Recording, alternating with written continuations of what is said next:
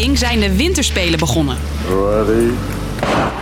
Misschien ben jij er totaal nog niet mee bezig, maar sporters zitten al weken in spanning. En niet alleen vanwege de kans op een medaille. Elke dag is het een soort van spanning. eh, ben ik maar niet positief. Elke deurklink die je vastpakt zit je weer te smeren en te doen. Corona hangt ook deze keer weer als een donkere wolk boven de Olympische Spelen. Ik ben Hilde en ik vertel je hoe een positieve test vier jaar werken voor een medaille volledig kan verpesten. Lang verhaal kort. Een podcast van NOS op 3 en 3FM. Ladies and gentlemen, welcome to the Olympic Winter Games. En hier is het Olympisch vuur. Haar debuut op de spel. 13e, 14e. Kijk eens, baanrecord. Iedere vier jaar worden de Olympische Winterspelen georganiseerd. Deze keer in Peking. In totaal zijn er bij 15 verschillende sporten medailles te verdienen. Nederland doet niet aan alle onderdelen mee. In totaal gaan er 48 sporters die kant op. En het grootste deel, hoe kan het ook anders, schaatsers. Kjell Nuis, Olympisch kampioen. Hij pakt de... Maar volgens mijn sportcollega Eline de Zeeuw zijn er meer sporters voor wie je de televisie aan moet zetten. En bijvoorbeeld de vlaggedraagster Lindsay van Zundert. Zij is de eerste Nederlandse kunstrijster op de Spelen sinds 1976. En in de nieuwe sport de monobob gaan we Carlien Sleper zien debuteren. Bij de vorige winterspelen in Zuid-Korea sleepte Nederland 20 verschillende medailles binnen. En ook nu liggen er heel wat kansen. De meeste dus bij het schaatsen. Irene Schouten onder andere, die is echt in de vorm van haar leven. Dus we verwachten dat die wel wat medailles kan gaan pakken. En Sven Kramer, zijn allerlaatste spelen. Misschien weet hij er nog wat uit te persen. En het shorttrack, dat willen we natuurlijk ook niet missen. Vooral omdat Oranje daar ook flink wat medailles kan gaan pakken. Of je een medaille wint, ligt deze keer niet alleen aan je sportprestatie.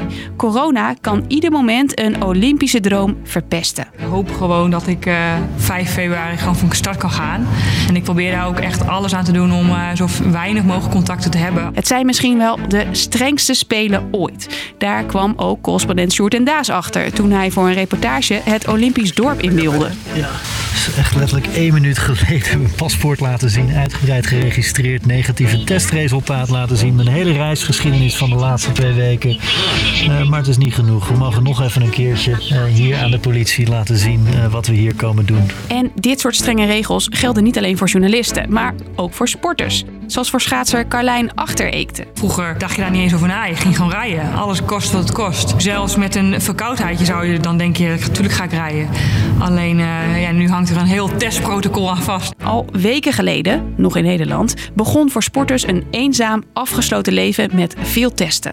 En dat is nu in China dus ook zo, vertelt Sjoerd. Ja, deze Olympische Spelen werkt China met zogenoemde bubbels dus, die volledig zijn afgesloten van de rest van China. Tijdens deze Spelen zijn er grofweg drie locaties.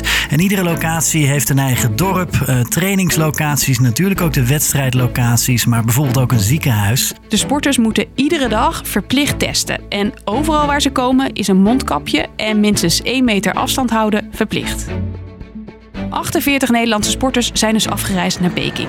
42 van hen zijn ook echt gekwalificeerd. De andere zes staan op de reservelijst. Zij zijn mee voor het geval er de komende dagen toch iemand positief test.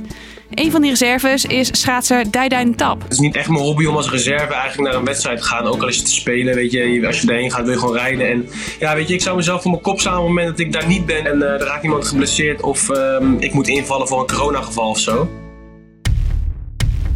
Stel, Suzanne Schulting of Niek van der Velde doet de komende dagen een coronatest. En er verschijnen niet één, maar twee streepjes. Nou, dan staat ze een hele andere China-experience te wachten, vertelt Eline. Eén positieve test betekent natuurlijk einde Olympische Spelen. Natuurlijk de nachtmerrie van elke sporter. Die nachtmerrie is voor de Nederlands-Oostenrijkse skispringster Sarah Marita Kramer al werkelijkheid geworden. Zij testte begin deze week positief en kan daardoor haar kans op een gouden plak wel vergeten. Zodra je positief test, moet je in isolatie. Heb je klachten, dan ga je naar een ziekenhuis. Heb je geen symptomen, dan wacht een quarantainehotel. Bij de zomerspelen vorig jaar kregen we al een idee wat dat betekent als je geïsoleerd wordt.